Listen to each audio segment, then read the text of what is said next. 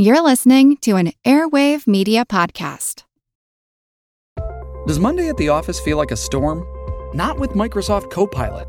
That feeling when Copilot gets everyone up to speed instantly? It's sunny again.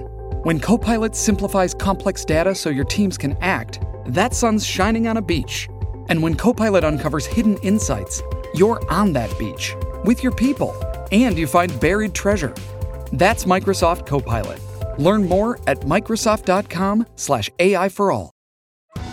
Survivor 46 is here, and so is On Fire, the only official Survivor podcast. And we have a twist this season.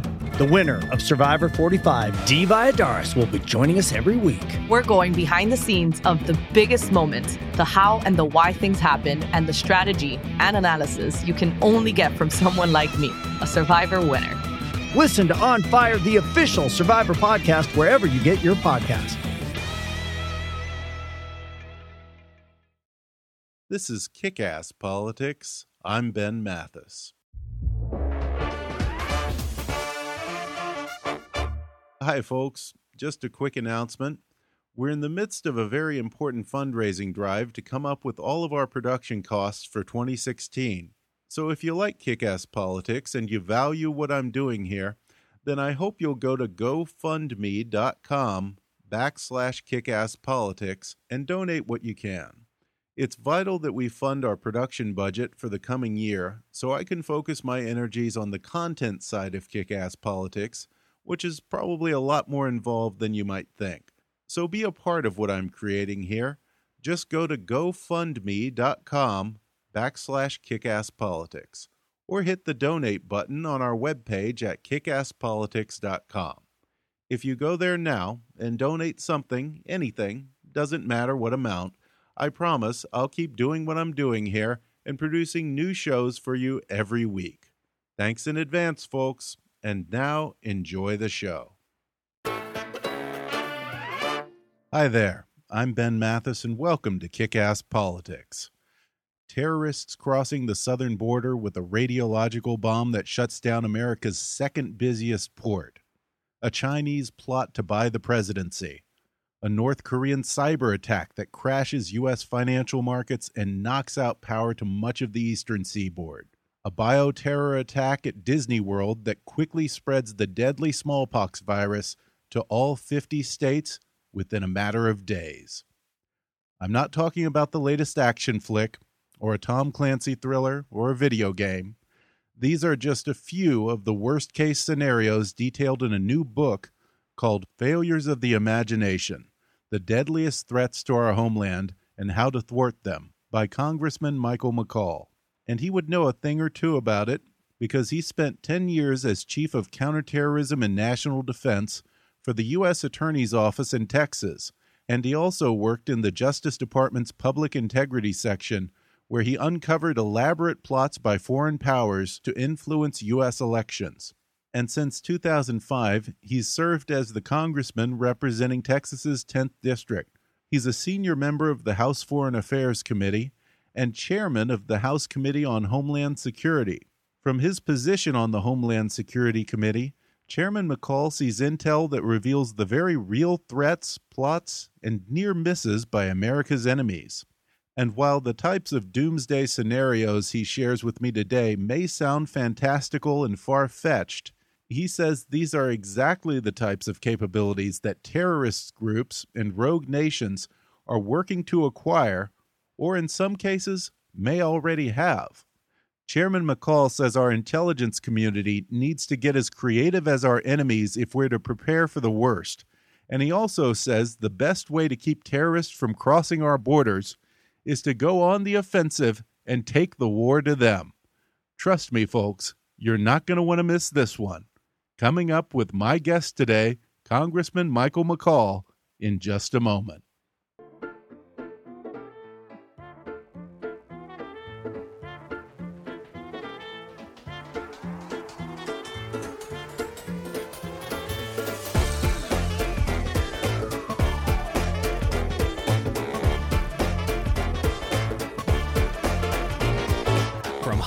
To Washington, it's time for Kick Ass Politics. And now here's your host, Ben Mathis. Today, I'm joined over the phone by Congressman Michael McCaul, who serves as the chairman of the House Committee on Homeland Security and also on the House Foreign Affairs Committee. Chairman McCaul, thanks for coming on the show. Hey, thanks for having me. Uh, congratulations first on the book. It's called Failures of Imagination The Deadliest Threats to Our Homeland and How to Thwart Them. I found it very interesting because you envision eight hypothetical scenarios in great detail, and, and, some of these they read like a Tom Clancy novel. I, I will compliment you and say that you have a gift for storytelling here. Um, yeah, well, thank you. But then, you know, about a few pages into enjoying what feels like this suspense thriller, the reader kind of has this this oh hell moment where you where you suddenly start explaining just how likely these nightmare scenarios are and how they've been attempted yeah. in the past or you know plans that have been uncovered how many of the necessary elements are already in place and it's a scary realization I'd say first, uh, the reason I, I, wrote the book is um, so the American people could really know the truth about the threats that we face as a nation. I think this administration has downplayed this threat consistently. Um, and I'm not, I don't know why they do this, but they have constantly done it. I don't think it fits with the president's uh, campaign narrative. And when ISIS reared its ugly head, he can't um, really explain it or effectively deal with it. And so I think it's important the American people really know what the threats are, and then constructively, what can we do to stop it? Um, the, this book is sort of like uh, what we do in the military and intelligence community, um, we do these uh, red team exercises, which is, um, and I know right after 9 11, President Bush brought in a bunch of um, creative thinkers, um, actually, even some people, Hollywood type producers, to imagine what could happen and then what can they what can we do to stop it? So that's kind of the sort of basic premise of the book and all the proceeds go to wounded warriors and their children. Uh, so oh, there's nothing great. I didn't in know it that. for me. Yeah, so which I think is important. A lot of politicians write books just about themselves, and this really has nothing to do with me. It just has to do with the work uh, that I do and, and why I want the American people to know, um, again, what the truth is. I don't know if we have time to get to all eight of these, but let's definitely try and cover as many as we can. So let's just uh, dive right in here. Um, the 1st mm -hmm. chapter describes a decapitation strike specifically intended to cripple the legislative branch of government from being able to function as usual. Tell us, what would mm-hmm. that look like? You know, the first chapter, I think, deals with um, uh, a very realistic scenario that actually we've seen in facts and basis uh, several attempts to hit the Capitol. Since 9 11, we do know that the Capitol was one of the three major targets on 9 11. Uh, it was a symbol of political power. They wanted to hit economic, uh, uh, military, they hit the Pentagon and World Trade Center, and then political power, which would be the Capitol. And so um, this um, sort of drones with explosives and then a active shooters um, is a very realistic type of scenario um, that could happen. I, I routinely meet with um, Capitol Police Sergeant at Arms to try to harden our defenses um, you know, Tom Clancy in one of his books talks about a uh, attack on at the State of the Union address, which um, um, you know, every year when we have that, that's obviously a very intense, high security situation because of uh, uh, you have all the, the heads of the seat of the federal government in one place uh, at yeah. the same time, and so. Um, but you know, in each of these chapters, you know, I do uh, basically say, could this really happen?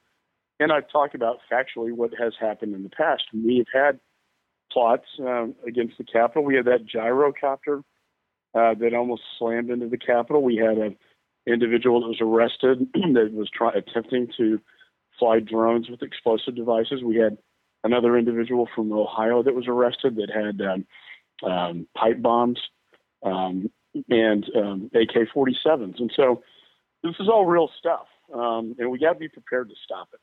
Yeah, and it was interesting because what you describe in here is a, a, drone that is laden with explosive devices that runs into the Capitol, creates complete chaos at a public event, and then all the congressmen and senators are rushing, trying to get back to their respective branches of Congress, and it's it's a double pronged attack where there are actually active shooters waiting for them to head that way and just mowing them mm. down.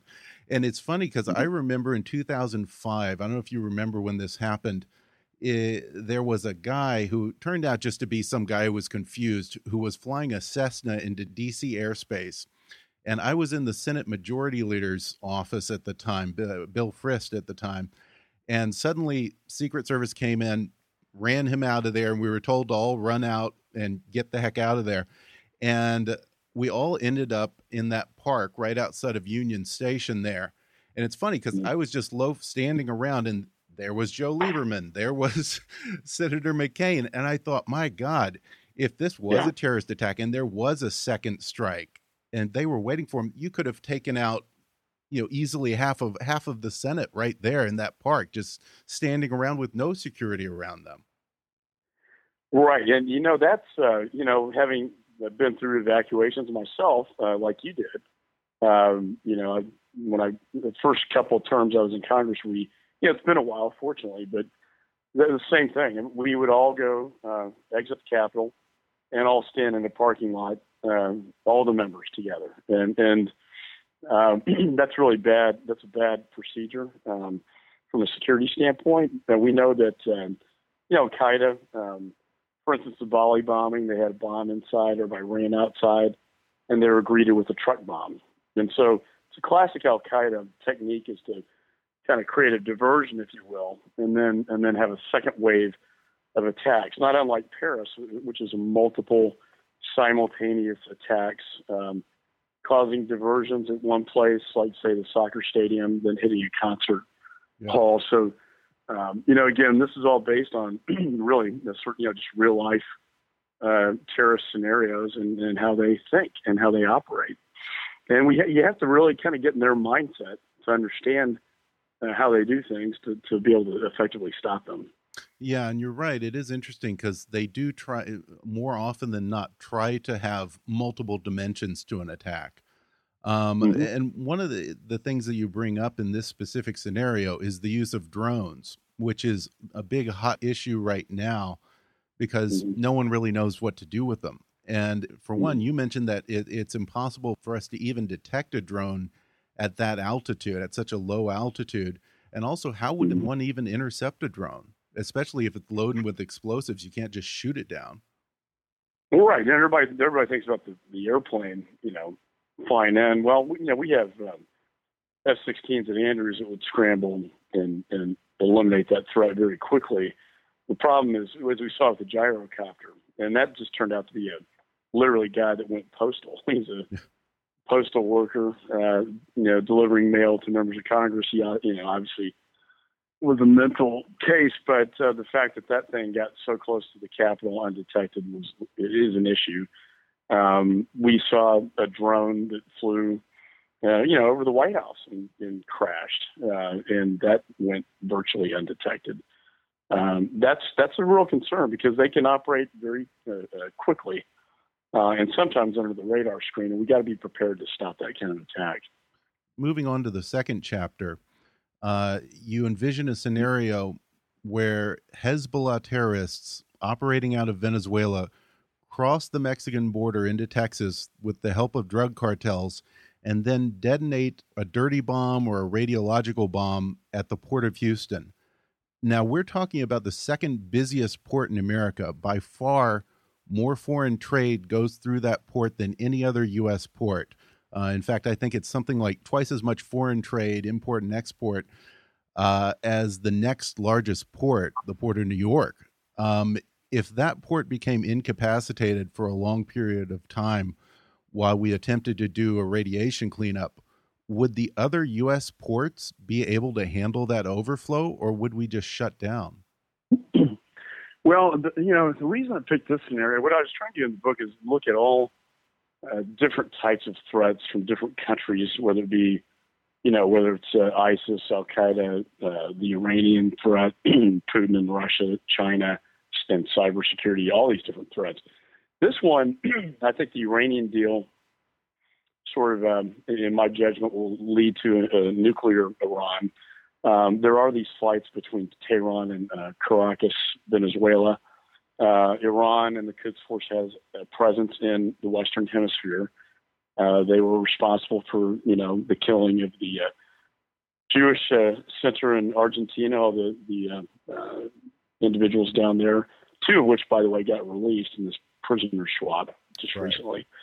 Um, but it, it, what it highlights is the vulnerability I think that we have to uh, a material coming from Iran on one of these flights that we cannot detect. We can't get the manifest for that, those flights, and then coming with operatives up across the southwest border which we know is insecure. And then why the Houston uh, port? Uh, that is um, a, a, third, if not more, of the energy supply to the nation goes through that um, port. So if that scenario happened, you know, I think it'd be more difficult to smuggle a nuclear device. And although that's a, a plausible scenario as well, it's a lot easier to do you know, spent fuel and cause a dirty bomb uh, in a contamination scenario where you effectively would shut down uh, the port, uh, one of the biggest ports and, and, one of the biggest energy drivers to the nation. And that's why that, that scenario is so concerning to me. As chairman of Homeland Security, I routinely meet with the port authorities to make sure that they're they're hardened and they're protected. Uh, but you know, going to the, back to the border, you know, in ISIS's latest publication, the Dabiq Magazine, they talk about how they thought it would, how easy they thought it would be to smuggle a nuclear device out of Pakistan through transnational criminal organizations into the Western Hemisphere and across the U.S. Mexico border. So we know that ISIS has talked about this, bin Laden has talked about this. We know that uh, Iran had a Quds Force operative in Mexico dealing with what he thought was uh, the drug cartel. Um, right. Uh, person to assassinate the Saudi ambassador in Washington D.C. It turned out it turned out to be a DEA informant, thank God, uh, and that plot was was stopped. Um, but it shows you their intention, and I think uh, again this that chapter really goes to the issue of number one Iran, and number two border security uh, that we need to secure the border to protect this country. Yeah, and in these relationships between groups like Hezbollah and Mexican drug cartels, you you have evidence that those relationships, those ties, they do exist now. And and I guess my question would be, what's in it for the drug cartels? Because it would seem to me like that would be a huge risk for them. Yeah, I think that's the conventional thinking is that they would not want to associate themselves with a terrorist organization because of the blowback factor, and I think they, there is some truth to that. However, the, the transnational criminal organizations smuggle drugs and weapons to make money, and, and, quite frankly, they don't care where it's coming from.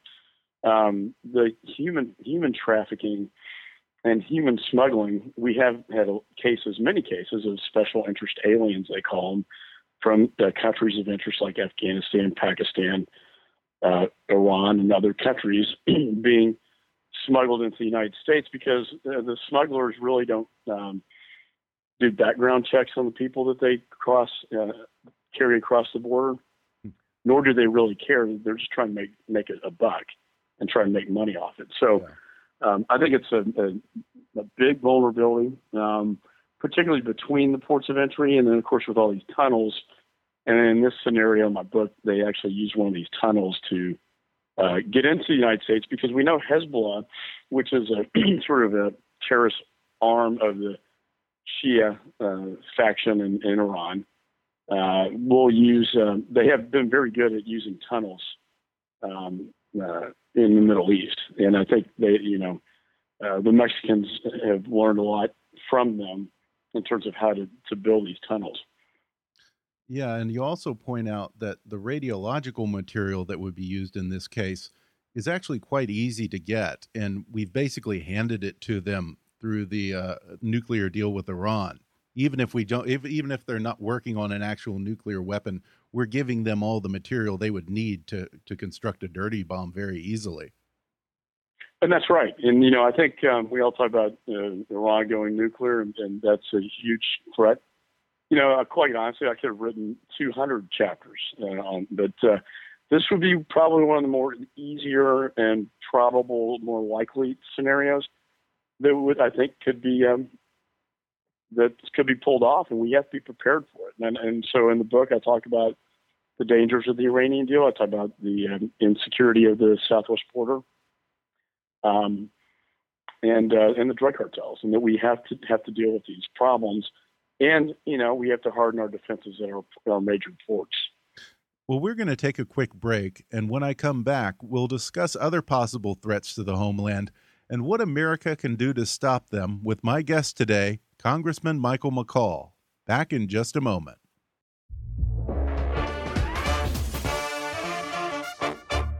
If my conversation with Chairman McCaul has piqued your interest, then you should definitely get his book, Failures of Imagination The Deadliest Threats to the Homeland and How to Thwart Them. And right now, you can download the audio version of his book for free with a special promotion for our listeners from audible.com. Just go to audibletrial.com backslash kickasspolitics for a free 30-day trial and a free audiobook download, which can be Failures of Imagination by my guest today, Congressman Michael McCaul, or any of Audible's 180,000 titles for your iPhone, Android, Kindle, iPad, or MP3 player. That's audibletrial.com backslash kickasspolitics. Or click on the sponsor link on our webpage to download the free audio book of your choice. And now, back to the show. We're back, and I'm talking with Congressman Michael McCaul, chairman of the House Homeland Security Committee. Moving on to the third scenario that you envision here, this was an interesting one for me because in the third chapter, it's called the Manchurian Campaign. And there you describe how a country like China might attempt to influence U.S. elections and essentially buy the presidency. This one, I have to say, initially I thought it was a little far fetched. This was the one where I, I had a little bit of skepticism. But then a few pages in, you start to talk about the basis for this theory and some shady campaign donations that were made to the 1996 Bill Clinton campaign. Talk about what happened here because I almost forgot about that. And you were actually well, personally involved yeah. in that investigation. Well, I was one of the federal prosecutors on the on the campaign finance task force at the Department of Justice at the time. Uh, you know, the the publisher said, um, you know, let's not make this all about Islamist terror. Can you write a scenario about what was the most interesting case you worked on? Huh. And uh, hands down, this this one was uh, was quite bizarre. Um, that prosecution of Johnny Chung led us to the director of Chinese intelligence, and we were able to establish that that the Chinese government, at its highest levels, through their intelligence uh, director, uh, were funneling money uh, into the United States into the Clinton campaign. Um, and as you have, you know, I'm glad you've read this chapter. It gets even more bizarre in terms of, you know, threats to his life. We had to put him under federal protection. Um, um, and then, it, you know, it ended with um, a guy trying to obstruct him, so he wouldn't cooperate with us. He was he was um, having conversations back with high-ranking officials in China. Um, I tried to pursue that case, and it was declined. And then eventually, the FBI agent that I was working with, um, the lead um, foreign counterintelligence FBI agent, got indicted for espionage two years after that case was over because he was sleeping with the enemies. He was sleeping with the Chinese spy. Um, and you just really, you know, you just can't make this stuff up. Um, and that really happened. Yeah, and that was amazing. And you talk about how FBI Director Louis Freeh said that there was no more compelling case for the appointment of an independent counsel, but nothing happened with this. Right. It did. It never went that direction. Um, I thought I did my best. I, I, I got one of the few convictions out of the task force. Um, so the case assigned to me, um, you know, I got my conviction. I wanted to pursue other leads uh, that I thought led us to uh, higher ranking officials in China. Um, but I was um, um, reassigned back to the public integrity section, and my that case that I recommended to be prosecuted was sent to the Los Angeles U.S. Attorney's Office, and it uh, was never pursued. Yeah, and and one of these guys uh, in this was actually taking orders and money directly from the head of Chinese military intelligence. So the story that you envision here is not really that far fetched, especially in the age of super PACs. I have to think that that makes it abundantly easier for you know, for for a foreign power to disguise some money through a corporation or through a subsidiary corporation in the U.S., which is legal as far mm -hmm. as donations now under the, under Citizens United. Uh, has that changed the game a bit? If someone were to try and well, that's right. This? Well, that's what I was trying to. You know, I, I was we, as we were looking at the story about what happened. You know, in my prosecution to the fictional scenario to modern day money and politics, the the idea of super PACs being able to influence uh, a, a, presidential election and and foreign money coming in is uh, a very likely scenario. Uh, and then I talk also about the Clinton Foundation and how they have all this foreign money that's gone into their yeah. uh, foundation uh, as well. And so I think you know these super PACs um, you know, have the you know potential to be uh, manipulated um, by foreign um, you know agents of a foreign power. Yeah, and another one that is a, kind of a hot button issue that gets a lot of discussion these days is chapter five called Going Dark Cyber Strike on the World's Financial Capital. Now, this one describes things like quantum computers and forcing a flash crash on U.S. markets. Um, this one's a little above my pay grade, so I'm going to let you explain the hypotheticals behind this one. well, this is this is a very um, very sophisticated cyber chapter uh, talking about um, quantum computing. If you talk to you know former um, intelligence NSA types, um, uh, so I, I, met with talked with Richard Clarke, who's an expert on this issue uh, quite extensively. Um, quantum computing um, is something that's being developed, and the first country to get it's going to be uh, a, a, major superpower uh, because it's kind of like going from the um, abacus to the computer. That would be exponentially how more powerful quantum computing is. So a cyber uh, attack envisioned here by you know, what they call attribution, going back to the source, is very it's a little mysterious in, in the fictional chapter because you don't know if it's a one of these groups like Anonymous doing it, or is it uh, tied? Then is it tied to North Korea and China? And and is there some Iranian influence as well? because the fact is, all those elements have attempted cyber attacks, um, destructive attacks uh, on the right. United States. Uh, we know North Korea shut down Sony Pictures for their uh, uh free speech and making a movie. Uh, China um, stole 20 uh, million security clearances from the federal government in an act of espionage, including my own, which I just got notified got stolen. Wow. Um, and um, we know Iran's been hitting our financial sector um, in a destructive way.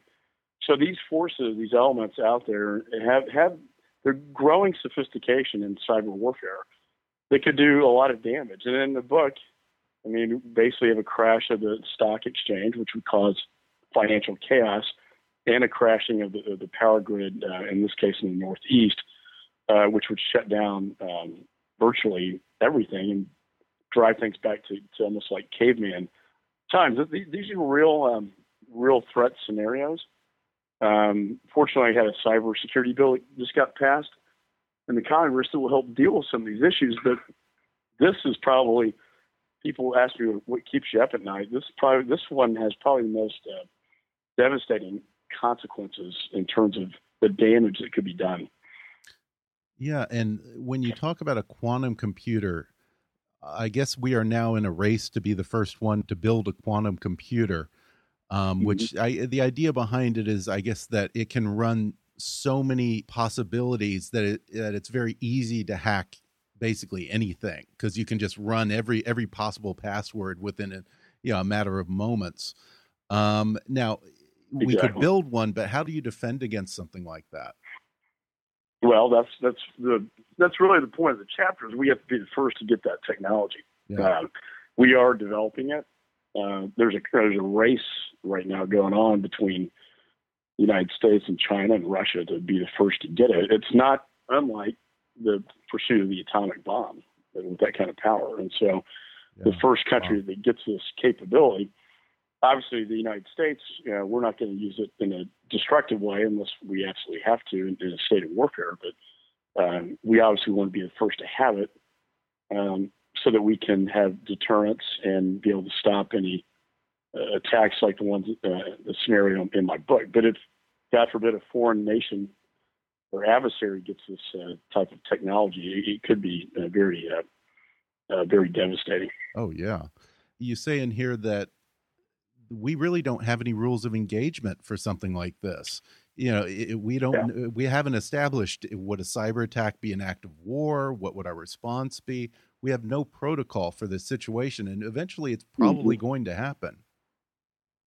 Well that's right. I mean there are no rules of the game in cyberspace unlike kinetic military space where you know you have the, the you know uh, there are, there are rules of engagement in fact we have rules of engagement against isis where we have to have zero collateral damage and yeah, in, in the cyberspace, there are no rules, and um, there are no international boundaries. Are no uh, treaties really on this, although, and, and there are no rules of the game. What is an act of cyber warfare? What constitutes that? What what is a proportional response to an act of warfare? You know, in would say dropping a digital bomb, say on Sony Pictures, which shut down their entire, all their computers got completely shut down you have to ask the question: Is that an act of warfare? If, if the physical bomb was dropped by North Korea onto Sony Pictures and blew them up, how's that any different from a digital bomb being dropped and blowing up their entire infrastructure? So this is a sort of a, a sort of new frontier uh, that has no no rules of the game right now, and it, to me, it's one of the more fascinating uh, ones. Yeah, and you cover so much territory and so many different kind of scenarios that really kind of run the gamut.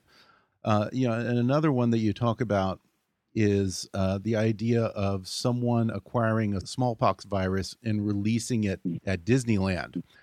Now, for mm-hmm. my first questions are: explain how one would go about even acquiring a smallpox virus, and then how mm. would they go about dispersing it or spreading that virus?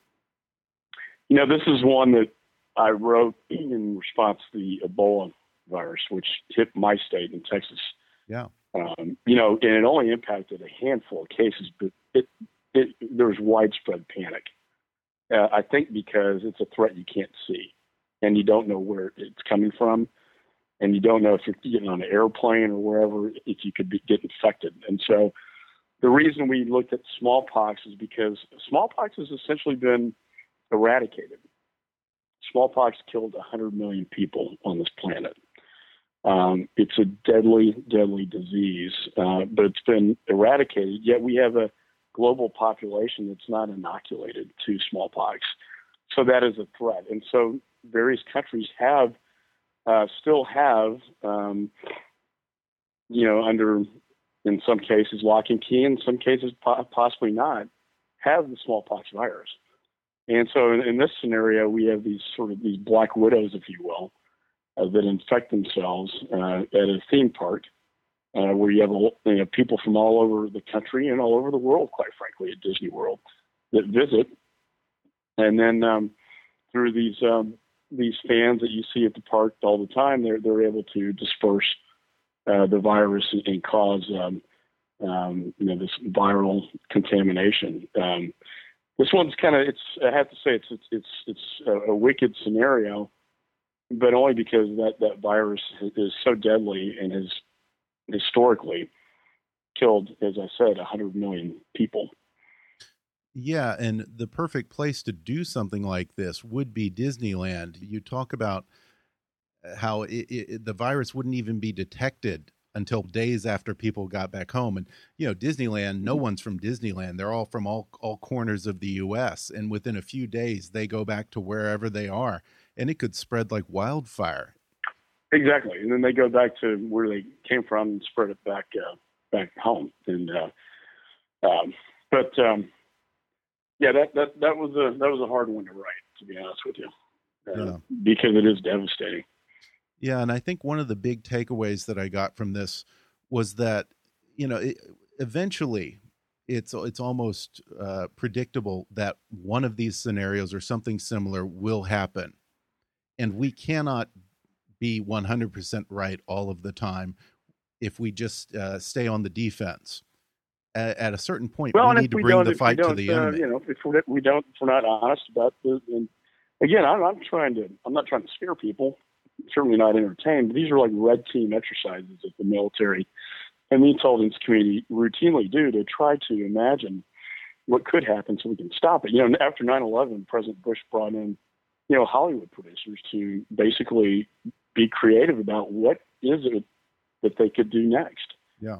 And what do we need to do to stop it? That's precisely what this book is all about. But I, I think one of the most important things is that we need to be offensive about this. We can't just wait Mhm. for ISIS to try and infiltrate our borders.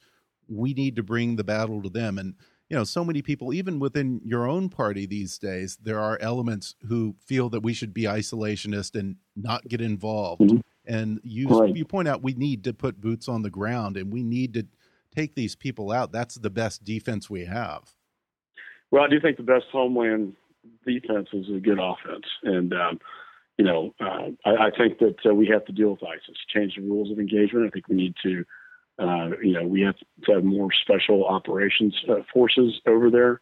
Uh, uh, we we do need a Sunni Arab indigenous ground force as well. I don't advocate for 100,000 U.S. combat, but we do have to, to strengthen uh, the coalition. We have to lead uh, the effort as a superpower. As a you know, we are a superpower, and that's what my dad's generation, uh, World War II generation, created. We're not leading as a superpower right now, uh, and that's creating a lot of threats across the globe. And uh, one intent of this book is to raise, as a point of discussion, in the 2016 presidential election, because I, I think all these uh, these threats. National security now, I think, is the number one issue now in the presidential race.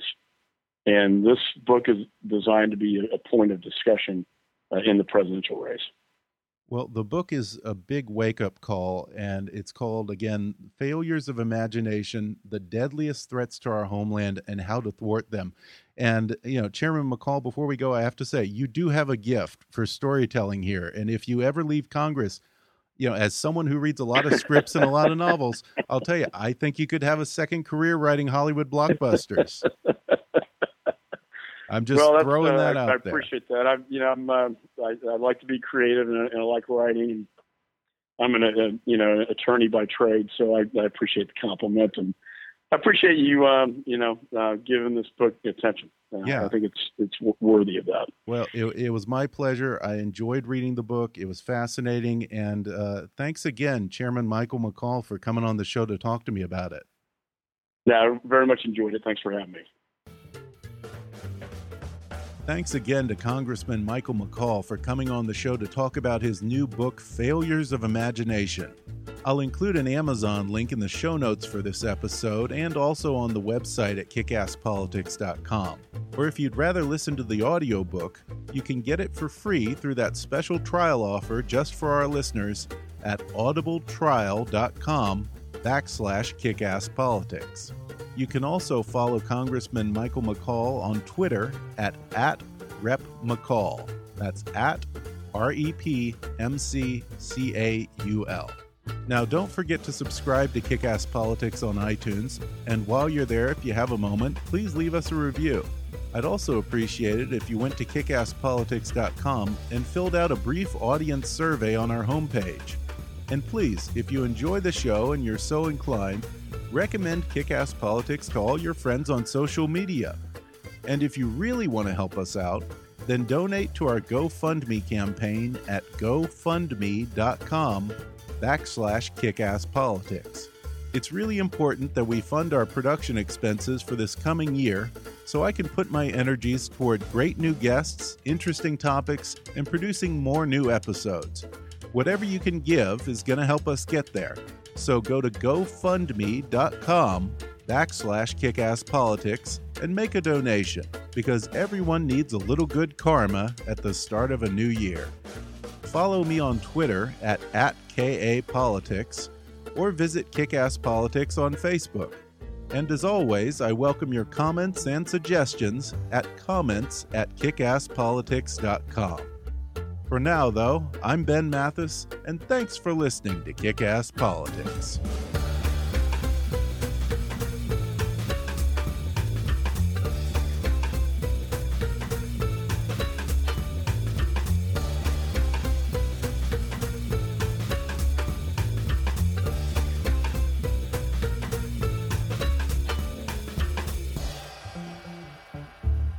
This podcast may not be reproduced without express written permission. Kick Ass Politics is a trademark of Mathis Entertainment, Inc.